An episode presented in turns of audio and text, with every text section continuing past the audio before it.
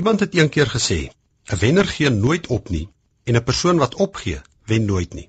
Wenners is 'n skaars groep mense. Nie alle Christene is wenners nie. Om te wen is nie iets outomaties nie.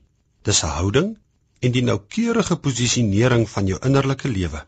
Dis 'n houding of postuur van die siel. Wenners inspireer ander. Spreuke 28:11 sê dat wanneer die regverdiges triomfeer, daar groot blydskap is. Oorwinning lig die harte en gedagtes van gewone mense tot iets buitengewoons. Kyk maar net na die ondersteuners van 'n sportspan wat 'n 3 druk of 'n doel skop. Daar's groot opgewondenheid en trots. Mense verlaat die stadion en vier die oorwinning. Motors se toeters word gedruk, daar word geskree en gelag en gesing. Om te wen is lekker. Een keer se wen maak jou egter nie 'n wenner nie en een keer se verloor maak jou nie 'n verloorder nie. Dit is wat jy aanhoudend doen en wat 'n gewoonte raak wat tel. Om te wen vra oefening.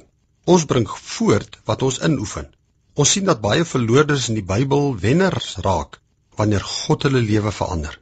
Hulle lewe verbeter. God se beloftes raak deel van hulle lewe en hulle is voorspoedig.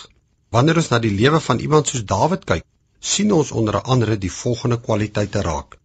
Wenners is nie volop nie. Hulle is soos arende wat nie in swerms voorkom nie.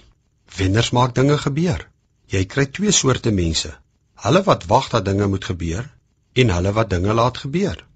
Wenners is kreatiewe denkers. Hulle raak nie vasgevang in hulle probleme nie, maar soek oplossings.